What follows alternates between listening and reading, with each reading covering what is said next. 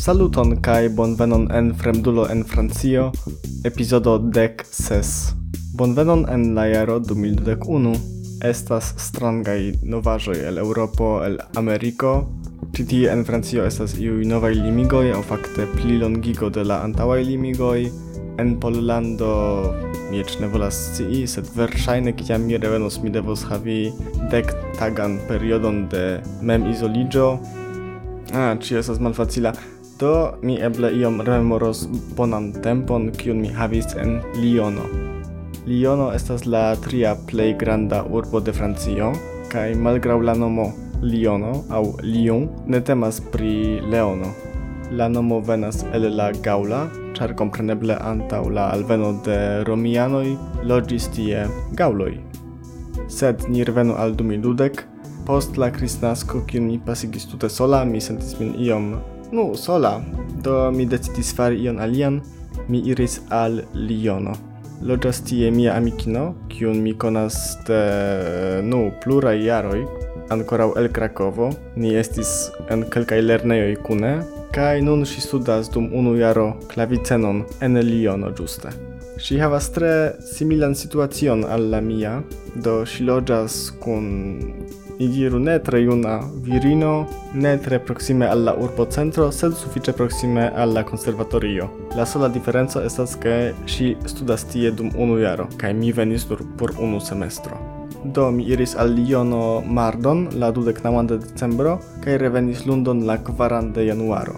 Mi tre gioias, char mi pagis tre malmulte por la biletoi, Mi pensas che mi pagis kvindek eurojn entute kaj tio ne estas multe por trajnoj en Francio. Des estas tiu rapidega traino Togovo TGV, do la trajnvojaĝo inter Parizo kaj Liono daŭras vere malpli ol du horojn. Tio estas freneze malmulta.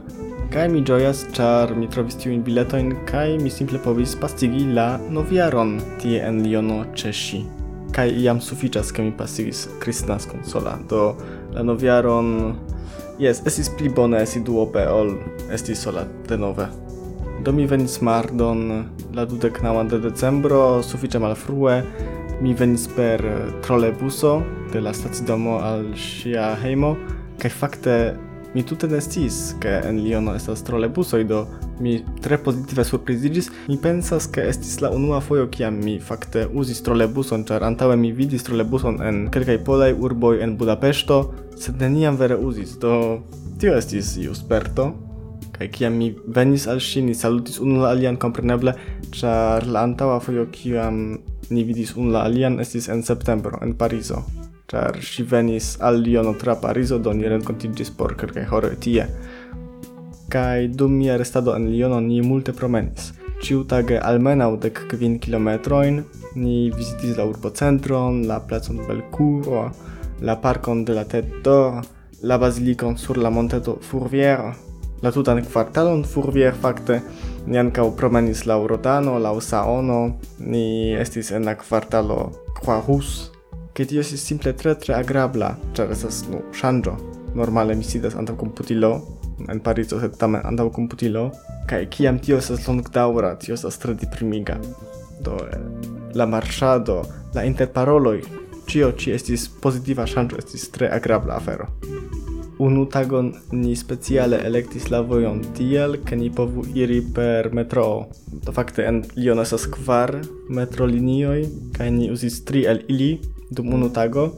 La linio do estas interesa ĉar ĝi estas tute automata kaj la linio C, mi credas, la linio C iras al ĝuste al tiu kvartalo Quarus, kiu situas sufiĉe alte. Do por iri tiom alten estas speciala relvojo, do estas tria relo. La trako havas tri relojn kaj la tria relo estas simple porque la trajno povu grimpi sur la monton.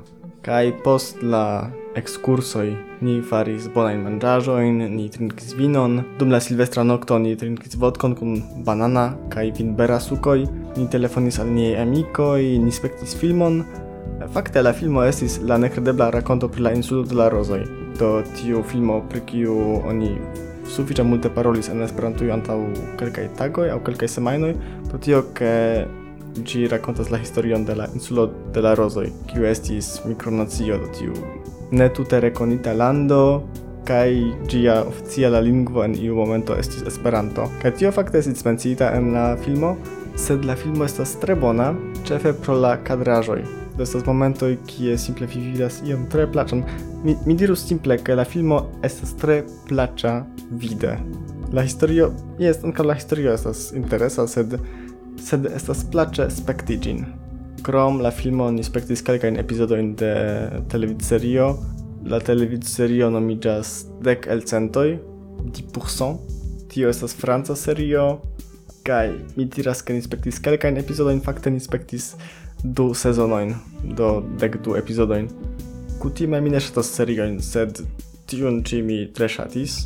Kaj la historio okazas en Parizo, kai mi vere rekonis la plejparton de la lokoj do mi foje promenis ĝuste tie. Estas partoj kiuj okazas en mia arrondismento nu no, arrondismento tio estas tre malbela vorto sed ĝi troviĝas en piv kai en Wikipedio. kai ja estas senso char kvartalo estas io alia ol arondismento en Parizo. Nu, ne gravas en en mia kvartalo, en mia ĉirkaŭaĵo. Estas momento ki okazas en la urbo centro proxime de la Muzeo de Louvro, che seino kai tiel plu. Sed esis iu sperto kiun mi neniam havis char antaue mi havis tiun senton nur pri Krakovo kaj Varsovio, do estis iu filmoj kiuj prezentis la urbocentron de Krakovo aŭ Varsovio kaj mi rekonis simple tiujn lokojn, ĉar mi estis tie ofte plurfoje. Kaj nun pri Parizo, pri la fama Parizo, la vera franca Parizo. Nu, sed bone, mi volis paroli pri Liono. Do, ni pasigis la jarŝanĝon kune, estis kelkaj artfajraĵoj, sed nu, La plej grava afero estis ke ni estis kune. Kaj la unuan de januaro aŭ la duan de januaro?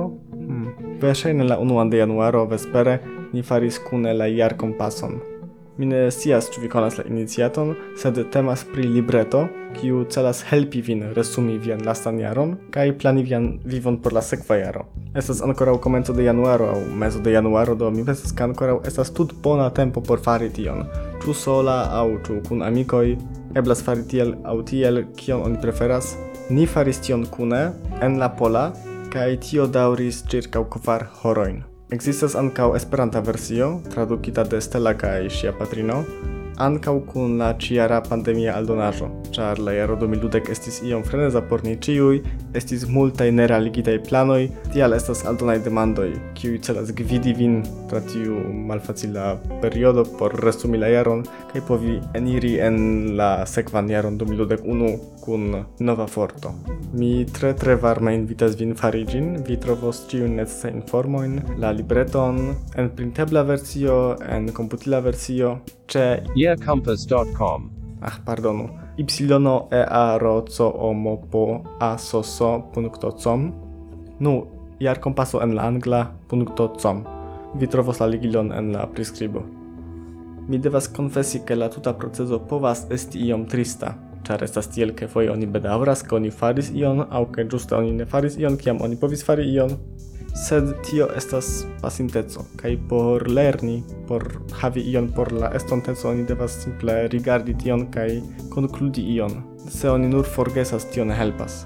Kaj krome la tuta sperto estas tiom puriga. Do mi pensas plenkore, ke indas to ancora foje. Ia yeah, campus. Punkto com. Do tiel estis en Liono kaj kiam mi revenis ĉiuj tuj komencis rememorigi al mi ke jam baldaŭ venas la tempo por ke vi revenu al Pollando. Do eĉ kiam mi provas fari ion ĉiuj diras "No, sed vi post momento foriros." Eh, mi iom ĝojas ke mi revenas.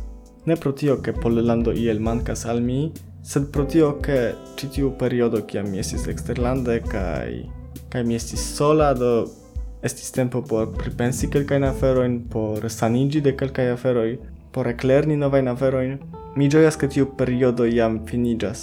Ĉi tie mi vivas kvazaŭ ekster la tempo, do estas kvazaŭ la tempo tute ne pasus. Mi ne scias kio okazas. Eble estas pro la pandemio kaj pro la izoliĝo, eble ĝuste pro tio, ke mi estas en Francio kaj mi havas neniujn sociajn devojn ĉi tie, ĉu ne?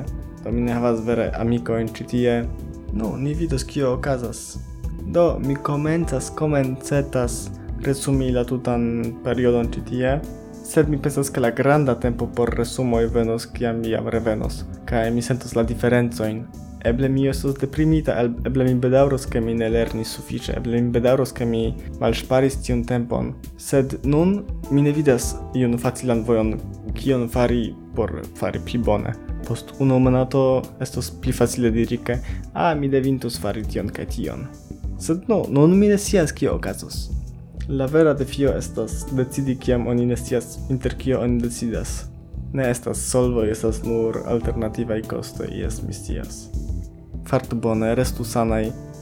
Kaj nun ni esperas, ke la vakcino tamen iom helpos? Mi ne scias. Eble? Ĝis, ĝis la reaŭdo.